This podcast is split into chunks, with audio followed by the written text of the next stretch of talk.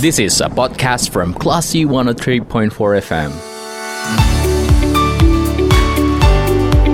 Start your good day with points of view on Classy FM.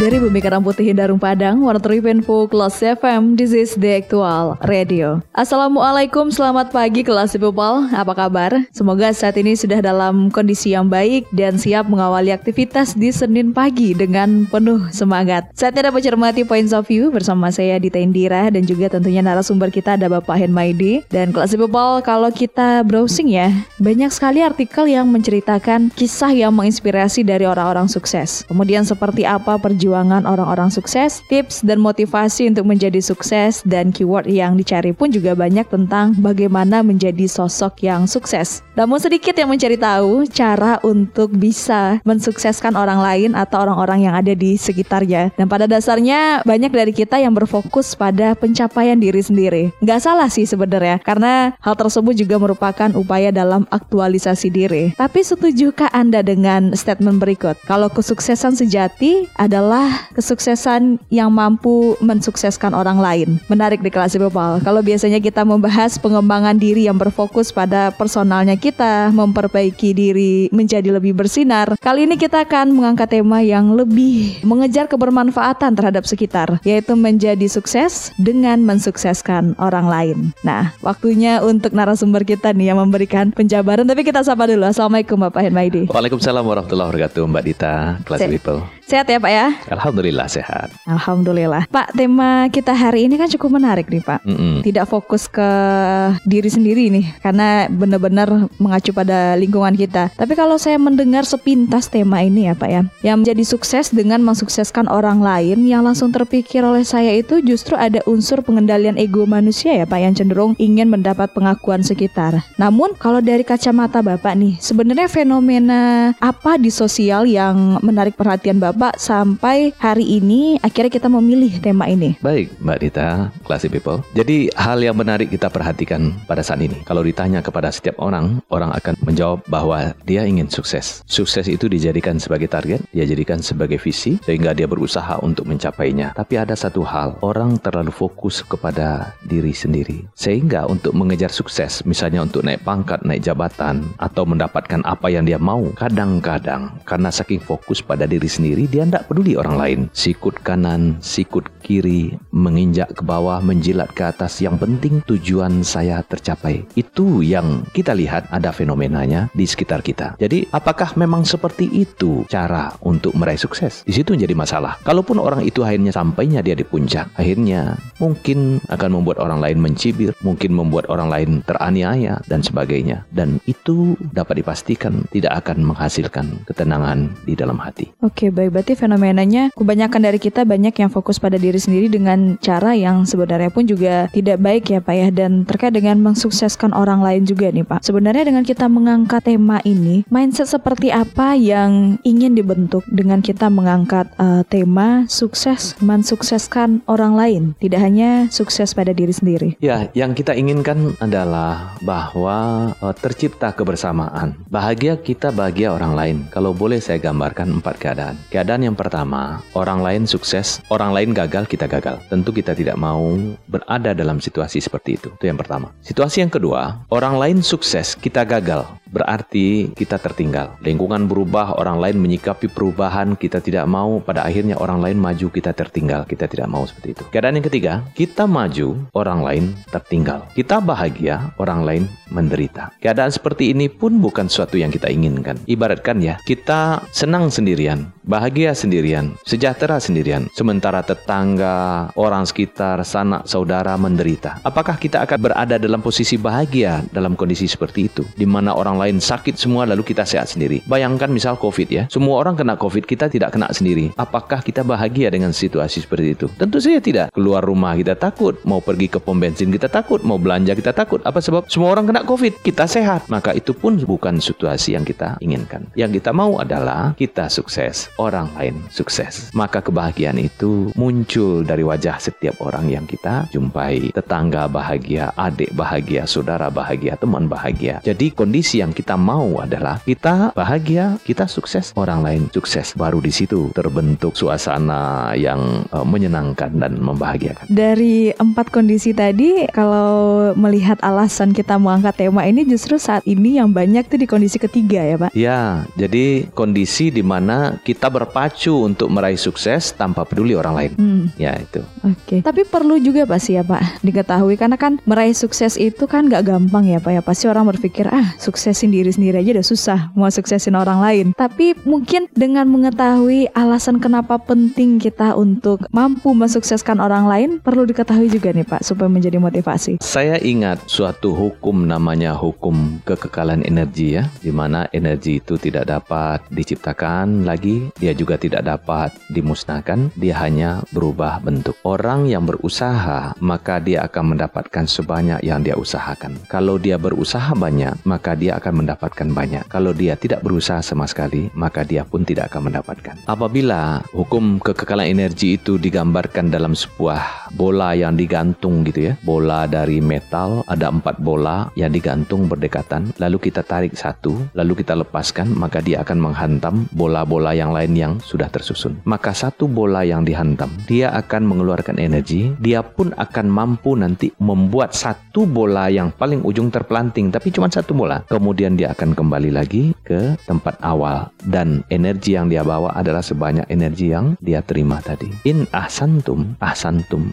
anfusikum wa in asatum falaha. Apabila kita melakukan sebuah kebaikan, kebaikan kita, kebaikan itu akan kembali kepada kita. Dalam konteks pertanyaan Mbak Dita tadi, apabila kita berbuat sesuatu untuk menyokong orang lain, mensukseskan orang lain, maka yakinlah kebaikan itu akan kembali kepada kita. Sebaliknya, apabila kita mencurangi orang lain, kita memfitnah orang lain, maka keburukan pun akan kembali kepada kita. Bayangkan ya, dalam sebuah pemilihan, misalnya pemilihan pilkada, pemilihan ketua, pemilihan uh, suatu jabatan di kantor dan lain-lain, kan tak jarang orang ketika dia sedang bersaing, lalu dia akan telepon sana sini sambil menjelek-jelekkan mitra yang juga bersaing dengan dia. Mm -mm. Oh dia begitu dulu pak, eh dia begitu dulu kak. Oh, keluarganya begini keluarganya begitu. Entah iya entah tidak. Entah benar entah tidak benar. Apabila tidak benar dia menjadi fitnah. Apabila dia benar itu menjadi kunjing. Dua-duanya tak baik. Coba bayangkan apabila suasana seperti itu yang terbangun. Jadi apabila kita ingin kita mendapatkan kebaikan maka lakukanlah kebaikan. Apabila kita ingin mendapatkan kesuksesan maka sukseskanlah orang-orang di sekitar kita. Oke baik pak. Kita kan menghindari kondisi yang tidak bersih itu ya Pak ya siasat kotor seperti itu. Namun bagaimana bentuk motivasi untuk mereka yang mungkin bekerja keras tapi karena punya prinsip nafsi-nafsi nih Pak, dia tidak akan mengambil jalan kotor tapi dia bekerja keras ya hanya untuk dirinya. Nah, ini seperti apa Pak? Sama dengan yang tadi, itu kan orang fokus pada diri sendiri, orang yang egois. Orang yang egois hidupnya akan sempit. Orang yang egois tidak akan pernah merasa puas. Dia dapat sesuatu karena dia egois, dia mikir diri sendiri, dia pengen lagi. Jadi apabila dia sudah punya satu lembah penuh dengan emas, orang yang egois menghendaki lembah yang kedua. Padahal lembah yang pertama pun dinikmatinya pun tidak. Jadi apabila orang hanya fokus pada diri sendiri, tidak peduli pada orang lain, dia tidak akan pernah sampai kepada sukses yang sesungguhnya, yaitu sukses yang membahagiakan hati. Itu kenapa pentingnya kita memiliki mindset untuk mampu berupaya ya Pak ya, hmm. mensukseskan orang di sekitar kita. Ya, kalau boleh ini ada sebuah ilustrasi ya. Hmm. Ada seorang yang berasal berasal dari Inggris punya obsesi. Dia ingin menjadi manusia pertama yang sampai di puncak tertinggi di dunia, Mount Everest. Orang itu bernama Sir Edmund Hillary.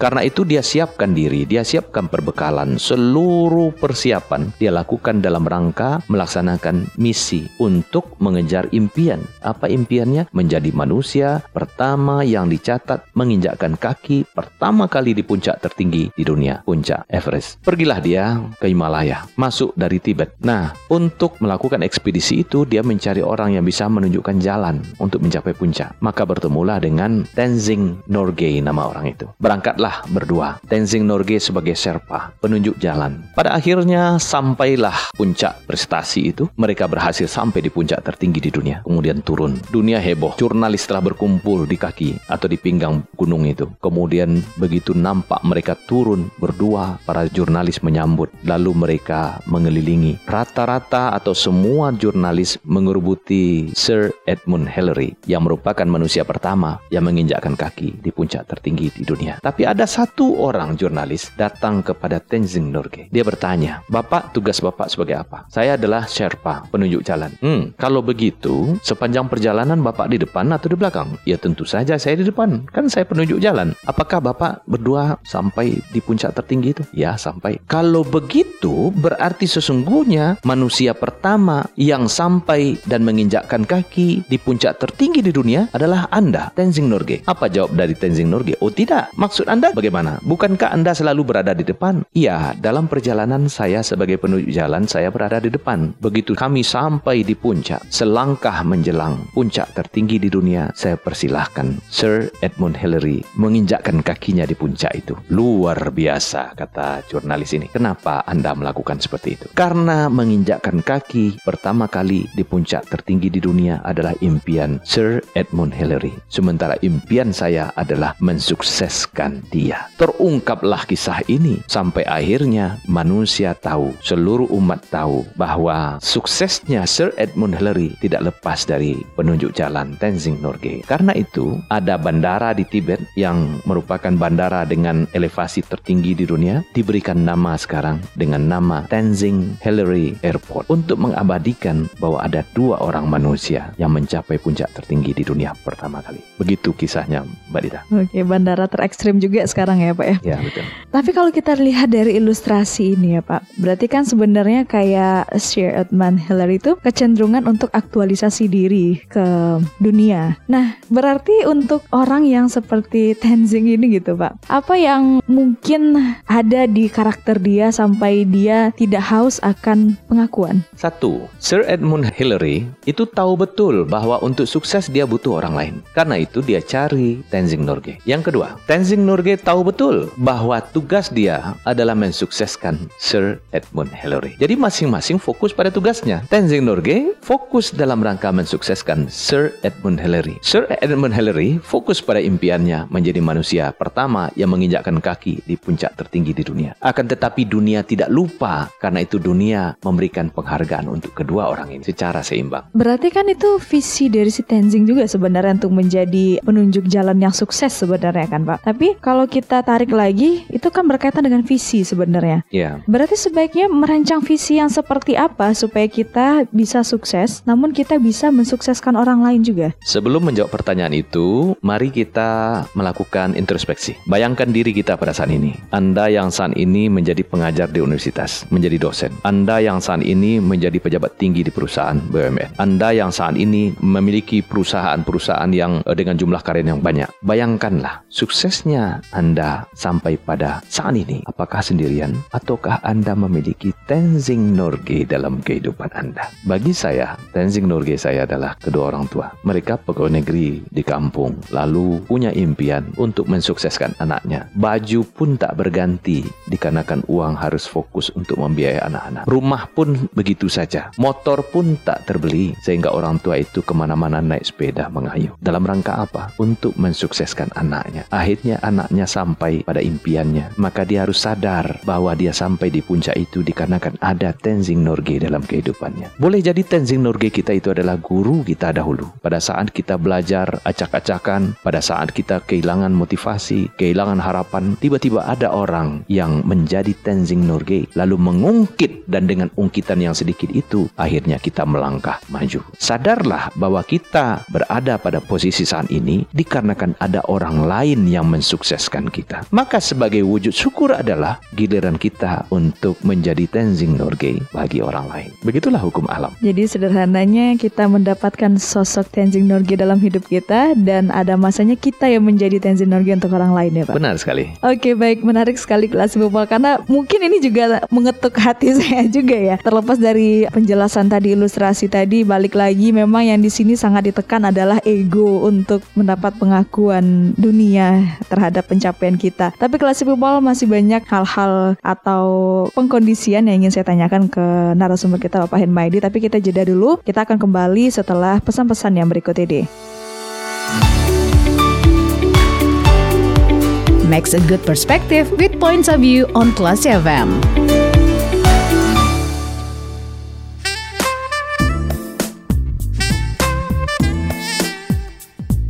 103,4 Kelas FM This is the actual radio. Kelas People Tadi kita sudah membahas di sesi pertama Terkait dengan menjadi sukses Dengan mensukseskan orang lain. Dan narasumber kita Bapak Hedmaidi Sudah memberikan ilustrasi Tentang perjalanan Tenzin Morge Yang kalau diibaratkan Kita semua sebaiknya berada Atau menjadi posisi Tenzin Morge Untuk orang lain Dan mendapatkan sosok Tenzin Morge juga dalam hidup kita. Nah Pak terkait dengan mensukseskan orang lain nih Pak. Yang menjadi orang sulit untuk membantu jalan sukses orang lain mungkin ada kekhawatiran kalau nantinya kita yang membantu malah melewatkan peluang untuk diri sendiri saat membantu orang lain sukses. Nah ini gimana Pak menyikapinya? Perasaan seperti itu itu muncul dikarenakan kita mendahulukan ego. Kita lebih memikirkan diri sendiri daripada memikirkan orang lain. Maka setiap kali kita ingin berbuat baik lalu kita bertanya apa manfaatnya bagi saya? Orang itu nanti dapat keuntungan keuntungan, terus saya bagaimana? Hmm. Orang itu nanti sukses, terus saya bagaimana? Pada dasarnya itu adalah bagian daripada penyakit hati. Itu yang dinamakan dengki. Nah. Seakan-akan kita tidak suka melihat orang lain itu sukses. Itu namanya dengki. Atau nah, merasa rugi gitu ya Pak? Ya? Karena merasa rugi, itu kan dengki. Artinya apa? Kita tidak ingin orang itu sukses. Kalau bisa kita, kenapa orang itu? Karena kita fokus pada diri sendiri. Dan itu penyakit. Apabila penyakit itu dipelihara terus, pada akhirnya kita itu seperti SMS gitulah. Senang melihat orang susah, susah melihat orang senang. senang.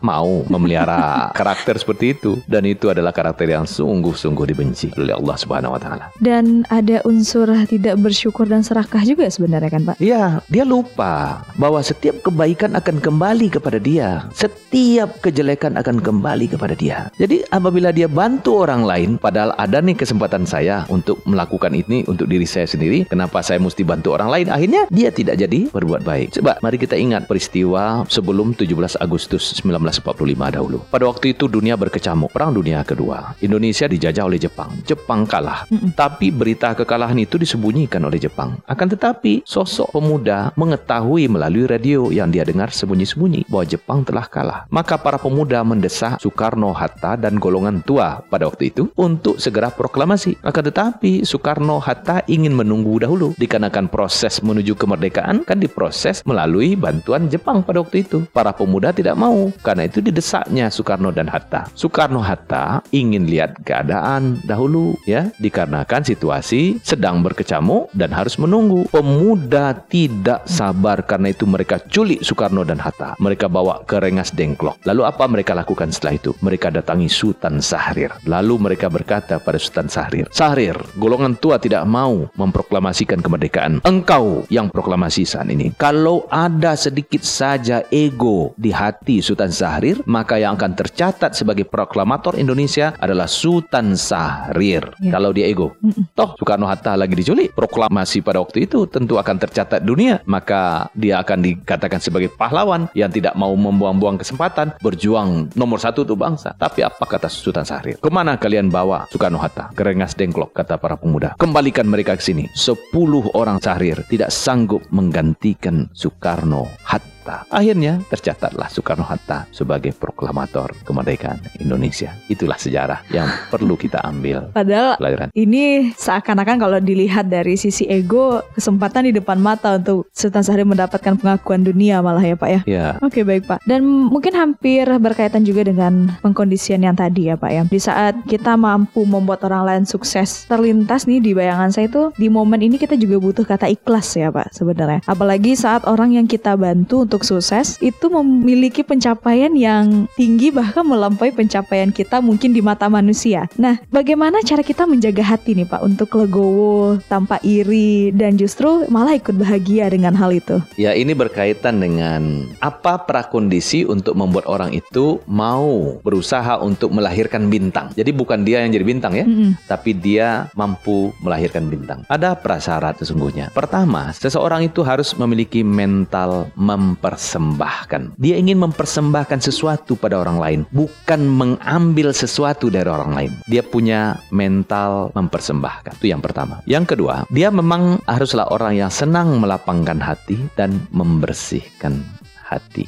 Saya ambil ilustrasi ya. Botol, katakan botol bening, Mm-mm. harganya mungkin Rp3.000 rupiah. Kalau diisi dengan air putih, air aqua, mungkin naik harganya Rp2.000 sehingga bisa dijual dengan harga Rp5.000 rupiah. Kenapa Rp5.000? Karena ada isi. Kalau kita isi dengan susu, harganya mungkin naik jadi Rp15.000. Padahal botolnya sama. Iya. Kenapa harga naik? Karena ada isi. Isinya apa? Susu. Kalau kita ganti dengan parfum, botol yang sama, jumlah yang sama, mungkin harganya jutaan. Kenapa botol yang sama sekarang dinilai jutaan? Karena ada isi. Jadi nilai dari botol itu adalah tergantung apa isinya. Mm-mm. Diri kita ini adalah ibaratkan botol. Maka seperti apa kualitas kita tergantung isinya. Isinya apa? Di hati. Jadi kalau hati itu bersih, hati itu suka melapangkan, maka nilai kita itu akan tinggi. Bisa tinggi di hadapan manusia, tinggi di hadapan Allah. Karena itu sadarlah bahwa kita kan terjebak dalam tubuh ini. Berharga atau tidak berharga kita tergantung apa yang ada di dalam. Kita mau diisi dengan air yang diambil dari selokan atau ingin seperti parfum atau ingin seperti madu. Jadi harganya mahal. Nah, jadi semua tergantung kepada hati. Tentu kita akan pilih saya ingin menjadi seorang yang bernilai tinggi. Karena itu bersihkanlah hati. Oke baik Pak. Tapi bersihkan hati ini pasti ada batasannya ya Pak ya. Maksudnya pengkondisian hal-hal apa saja yang bisa mampu membersihkan hati kita gitu Pak. Ya, sering kita dihukum dengan batas ya. Sabar ada batasnya. Hmm.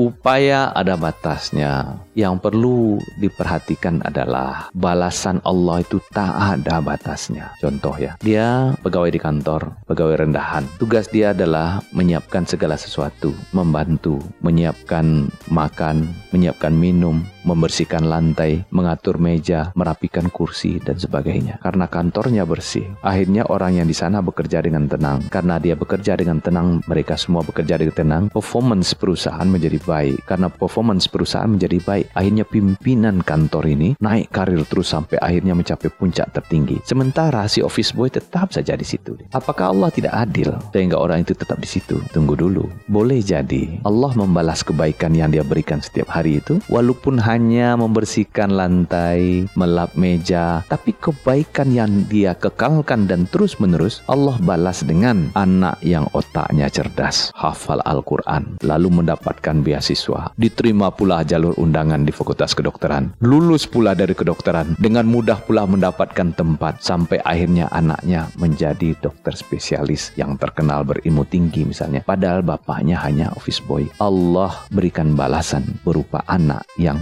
sukses dan anak itu santun pula pada orang tuanya. Ada pula kisah tentang seorang aparat pangkat paling rendah. Kalau dia di tentara itu jadi umpan peluru, bekerja bersungguh-sungguh. Lalu dia pelihara pula sanak saudara dia. Si tentara ini rupanya punya saudara banyak. Karena itu saudaranya itu diajak tinggal pula di rumah dia. Salah satu adiknya itu ternyata meninggal pula suaminya. Punya pula anak. Akhirnya dia bawa dan dia tampung pula anak. Padahal ini cuma aparat dengan pangkat yang rendah. Hiduplah. Ada nasi makan sama-sama. Tak ada ya sama-sama puasa. Tapi dari keluarga yang seperti itu, pada akhirnya ada seorang anaknya yang menempuh karir seperti si bapak ini menjadi aparat. Yang menempuh pula dari jabatan paling bawah. Sampai akhirnya si bapak mengatakan, Nak, nanti kamu akan dapat bintang. Kata bapak itu, yang akhirnya pensiun dengan pangkat tak sampai perwira. Tapi bagi anaknya dia adalah jenderal. Anaknya yang bercerita dan saya dengar dari beliau sendiri. Hanya hitung beberapa hari dari perkataan bapak itu.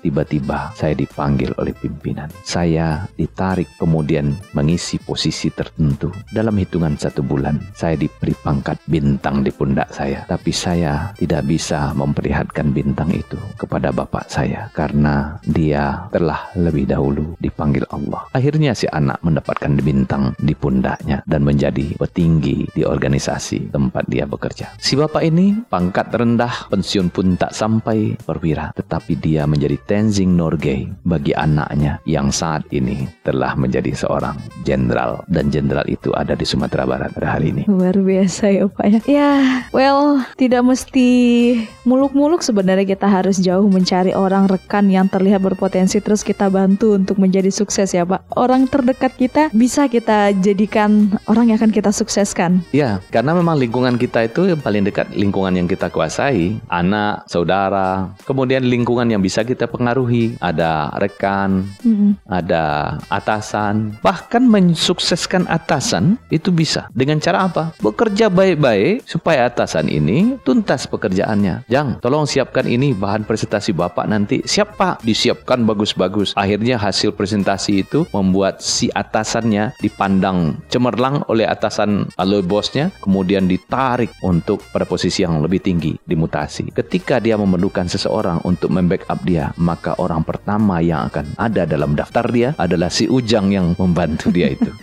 Dia akan bawa si Ujang ke mana pun dia pergi. Ketika dia sampai di puncak tertinggi, kemudian dia pensiun, maka orang yang paling dia rekomendasi untuk menggantikan posisinya adalah si Ujang yang membantu dia. Jadi atasan bisa kita jadikan bintang. Oke baik Pak. Yang menjadi motivasi kita untuk bisa atau mampu legowo untuk mensukseskan orang di sekitar kita ya Pak ya. Seperti yang Bapak bilang tadi, semua hal baik itu akan kembali lagi kepada kita. Dan mungkin ada beberapa yang sudah melihat hal baiknya dalam kehidupan saat ini mungkin dari tidak secara finansial tapi mungkin anak yang baik, yang berbakti. Namun ada juga mungkin yang sampai akhir hayatnya pun dia belum mendapatkan mungkin benefit dari kebaikan-kebaikan dia tersebut dalam membantu jalan sukses orang lain. Nah, ini apa bentuk motivasi terhadap orang yang sampai saat ini mungkin masih belum merasakan feedback dari apa yang dia lakukan gitu, Pak? Jadi boleh dikatakan itu adalah apa balasan untuk dia ya? Hmm. Balasan untuk dia apakah hartanya bertambah, pangkatnya bertambah,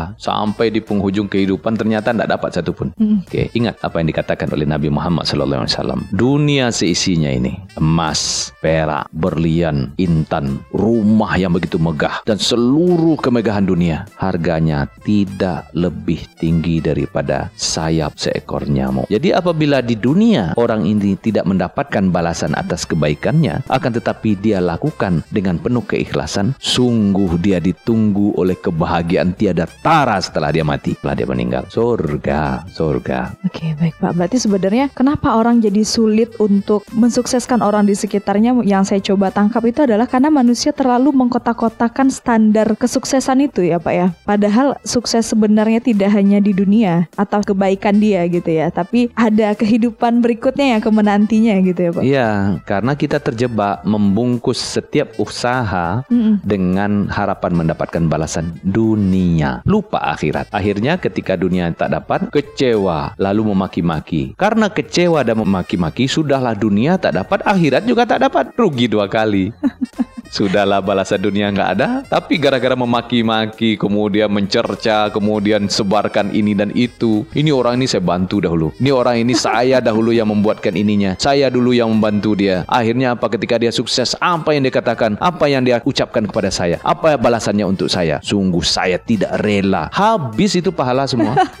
Jadi dunia tidak dapat, akhirat kosong. Kosong. Zong. Oke, sesuai dengan ilustrasi Bapak barusan contoh ini ya. Memang kadang kalau membuat orang jadi sulit untuk sukses, maksudnya hal yang membuat orang sulit untuk mensukseskan orang lain ini ya karena takut nanti nih si orang yang dibantu ini takut dia jadi kayak kacang lupa kulit. Nah, kan sering gitu tuh, Pak. Karena mungkin di hatinya sebelum membantu itu sudah terbesit harapan menginginkan feedback dari orang yang dibantu. Nah, ini bagaimana menurut Bapak semestinya kita menyikapi kemungkinan? Innamal a'malu bin niat. Niat bantu orang itu untuk apa? Maka kita akan mendapatkan seperti diniatkan. Kalau niatnya mendapatkan balasan di dunia, yakinlah tak akan dapat seutuhnya. Jadi kembalikan lagi. Sesungguhnya segala sesuatu kembali kepada niatnya. Anda bantu orang itu untuk apa sih? Apakah supaya dia nanti ucap terima kasih? Ya sih tidak-tidaknya terima kasih dong. Nah, itu sering tuh, Pak, biasanya. Pada akhirnya niat kita kan sebatas duniawi. Tapi apabila niat itu adalah supaya keberadaan saya di sini bermanfaat. Bagi siapa manfaatnya? Bagi atasan saya ini bermanfaat. Bagi kawan saya ini bermanfaat. Bagi tetangga, bagi masyarakat saya ini bermanfaat. Maka sesungguhnya manusia yang terbaik adalah manusia yang paling bermanfaat bagi manusia lain. Ayo kejar menjadi manusia yang terbaik yaitu dengan cara menjadi manusia yang paling bermanfaat bagi orang lain. Itu yang menjadi pegangannya Pak ya. Jadi ketika kita merasa sudah membantu jalan sukses seseorang dan ternyata ya kita belum mendapatkan feedbacknya di dunia, itu yang jadi pegangan. Setidaknya kita sudah melakukan hal yang memberi manfaat untuk orang lain itu ya Pak. Karena ada pahala di akhiratnya. Oke, ini sebenarnya masih berkaitan juga dengan hal tadi ya Pak ya. Ini saya mengutarakan penyakit hati, penyakit hati yang mungkin muncul ketika kita akan membantu orang untuk suksesnya orang lain nih Pak. Bagaimana cara kita terhindar dari sikap pamrih Pak saat sedang membantu kesuksesan orang lain? Untuk bisa membersihkan hati itu, yang perlu kita bayangkan adalah hidup adalah sebuah perjalanan dan perjalanan kita ini panjang sekali. Oke? Ada hidup di alam roh, kita tidak tahu berapa lama itu. Ada hidup di dalam alam rahim, itu 9 bulan 10 hari. Ada yang lebih, ada yang kurang. Kedua kehidupan itu kita tidak bisa memilih itu. Kita hanya menerima takdir saja. Di alam roh kita menerima takdir, dalam rahim kita menerima takdir. Akan terlahir sebagai anak dengan warna kulit apa, rambut seperti apa, gigi berapa, dengan ibu siapa, itu kita tidak bisa memilih. Lalu kita akhirnya hidup di dunia 60-70 tahun. Inilah dia yang paling penting. Apa tujuan daripada kehidupan 60-70 tahun itu? Mengumpulkan bekal untuk perjalanan berikutnya. Apa perjalanan berikutnya? Di dalam kubur. Berapa lama dalam kubur? Bisa 100 tahun, 1000 tahun, 5000 tahun. Tergantung kapan kiamat terjadi. Setiap orang yang mati pada hari ini, maka dia akan berada di dalam kubur sampai hari kiamat. Jadi kalau kiamat 1000 tahun lagi, maka dia berada dalam kubur 1000 tahun. Pertanyaannya, senangkah dia dalam kubur? Ataukah dia menderita dalam kubur? Tergantung hidup di dunia ini. Lalu setelah itu akan ada hari berbangkit. Manusia dikumpulkan di padang mahsyar. 40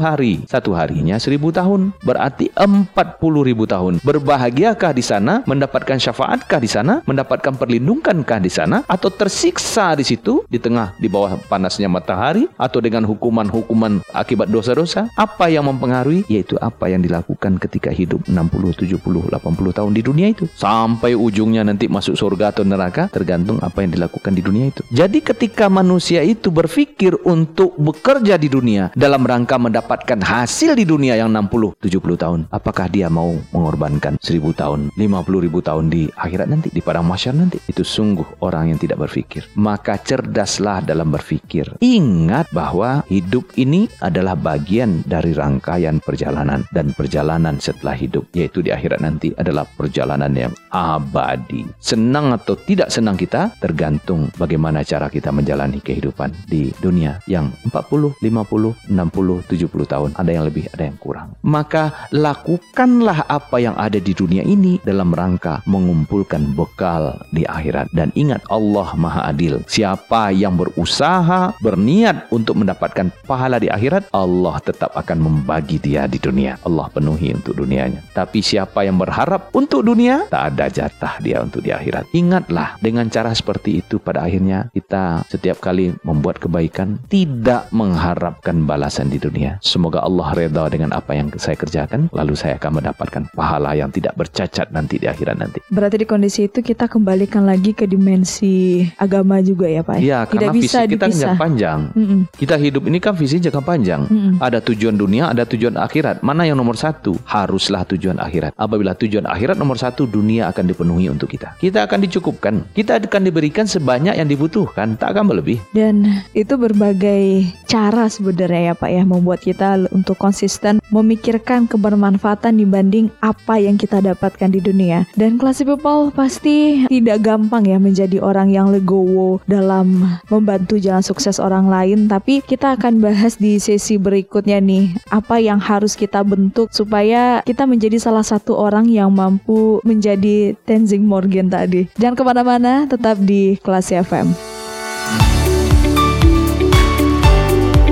Makes a good perspective with points of view on Class FM.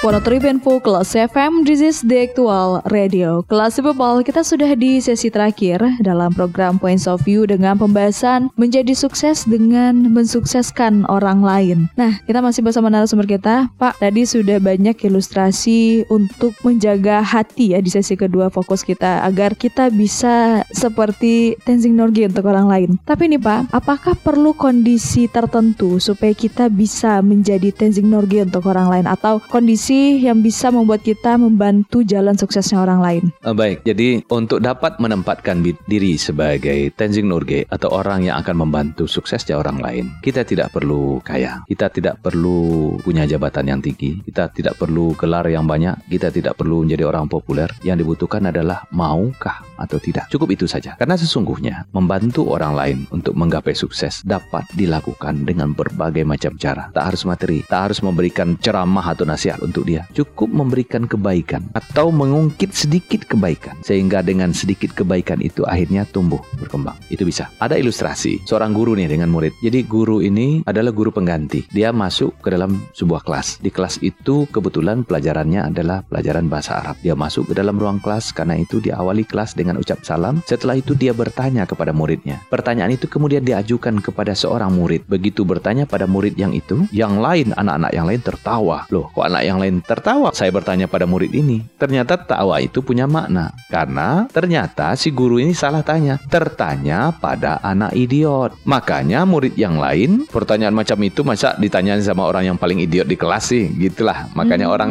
ada yang tertawa, ada senyum-senyum. Itu diketahui oleh si guru setelah dia Kenapa kalian tertawa tadi? Rupanya ini anak memang anak yang paling lambat di dalam kelas. Kemudian orang menganggap dia bodoh dan idiot dan dia pun menghukumi dirinya sebagai anak yang bodoh. Saya bodoh, saya tidak bisa belajar. Lalu guru itu berpikir, apabila dibiarkan anak ini, maka sampai ujung nanti dia akan seperti ini, dipandang sebagai orang bodoh dan seterusnya. Kemudian dia menulis cari tulisan. Dia tulis syair berbahasa Arab. Kemudian dia tanya pada anak itu. Itu dilakukan ketika anak yang lain sudah pada pulang semua. Mm. Kemudian dia tanya pada anak yang bodoh ini, kamu bisa baca tidak nak? Oh bisa pak katanya. Coba kamu baca pelan-pelan. Baca, baca, baca. Oh ternyata dia bisa baca. Kemudian dia berkata kepada muridnya itu, Nah coba kamu baca dan hafal syair ini. Nanti kalau sudah hafal, lapor sama bapak. Anak itu tersenyum. Kemudian dia mulai membaca, menghafal, membaca, menghafal. Besoknya ditanya, sudah hafal belum? Belum lagi pak. Beberapa hari ditanya gimana? Sedikit lagi pak. Setelah si anak itu yakin, kemudian dia lapor, Pak saya sudah hafal. Coba ucapkan. Lalu dia ucapkan syair itu. Itulah saatnya bagi guru untuk masuk ke dalam ruang kelas kemudian menuliskan sesuatu di papan tulis. Ternyata yang dia tulis adalah syair yang telah dia sampaikan dan dia suruh dihafalkan oleh anak yang bodoh ini. Dia berkata kepada seluruh murid, "Anak-anak, Bapak akan menuliskan sebuah syair di papan tulis. Kalian perhatikan baik-baik, baca dan hafalkan. Diberikan waktu lima menit untuk menghafalnya." Anak-anak sibuk menghafal beberapa bait syair berbahasa Arab. Setelah waktu habis tentu saja ya sudah belum belum Pak, belum Pak gitu ya. Begitu heboh lah mereka itu ya. Mereka menghafal gitu ya. Sibuk menghafal, matanya ke arah mana, mulutnya komat kamit karena semua anak menghafal kan. Setelah itu si guru menghapus tulisan dari papan tulis kemudian bertanya, "Siapa di antara kalian yang dapat mengucapkan syair bahasa Arab yang Bapak tuliskan tadi?" Nah, ada yang berani. Setelah hening sekian lama tiba-tiba anak bodoh ini berdiri lalu dia angkat tangannya dan dia berkata, "Saya Pak." Semua anak tercengang. Kita saja tak hafal. Ini anak bodoh ini berdiri dia. Tapi untuk tertawa, mereka tahan. Siapa tahu dapat semana ini. Mm -mm. Ya, kamu, ya silakan coba ucapkan. Maka dengan lantang si anak itu mengucapkan syair yang tadi itu dituliskan. Untuk pertama kali bersorak dan bertepuk tanganlah anak-anak yang lain. Ternyata anak bodoh ini hebat rupanya. Dan untuk pertama kali si anak itu mendapatkan penghargaan. Hal itu dilakukan oleh guru ini beberapa kali. Beberapa kali. Sampai akhirnya si anak terbangun rasa percaya dirinya. Lalu kawan-kawannya yang lain akhirnya mengakui kalau soal urusan syair, bahasa Arab, anak ini ahlinya, anak ini jagonya. Pada akhirnya anak itu lulus SD dengan nilai yang cemerlang. Kisah itu ditulisnya ketika dia mengambil S3 bahasa Arab di Mesir. Lalu dia tuliskan, kisah ini saya dedikasikan untuk guru saya di SD yang telah mengungkit saya. Sehingga dengan ungkitan sedikit itu terbuka masa depan saya. Jadi si guru hanya mengungkit sedikit dan modal mengungkit sedikit di SD itu akhirnya si anak itu ujungnya mengambil S3 bahasa Arab di Mesir. Jadi emang seperti yang Bapak bilang tadi ya, siapa saja bisa yang penting mau atau tidak. Ya, jadilah orang yang mengungkit itu. Mm-mm. Yang dengan setelah diungkit menggelindinglah roda dan kesuksesan itu pada orang itu. Yang dibutuhkan adalah ungkitlah sedikit.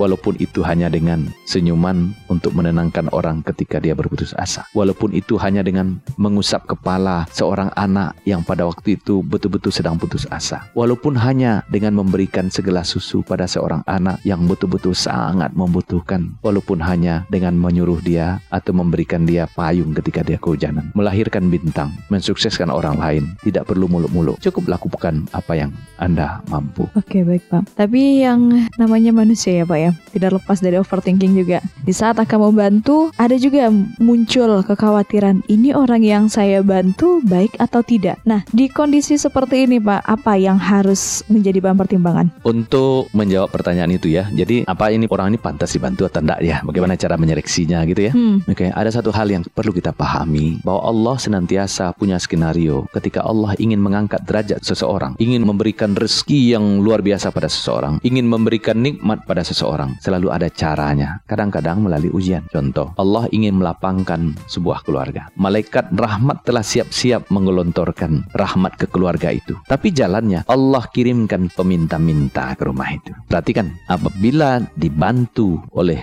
orang yang dalam keluarga itu, malaikat rahmat menggelontorkan nikmat ke keluarga itu. Tapi ketika orang itu datang meminta sedekah, lalu diperhatikan sama pemilik rumah, ini orang ini masih kuat. Kenapa mesti minta-minta? Ini orang pemalas nih. Kenapa tidak bekerja saja? Cabut rumput atau bantu orang di pasar? Ini tidak. Akhirnya apa? Senyum pun tak diberikan kepada orang yang meminta-minta itu dengan dasar bahwa ini orang tak pantas untuk dibantu. Akhirnya orang itu kemudian berlalu.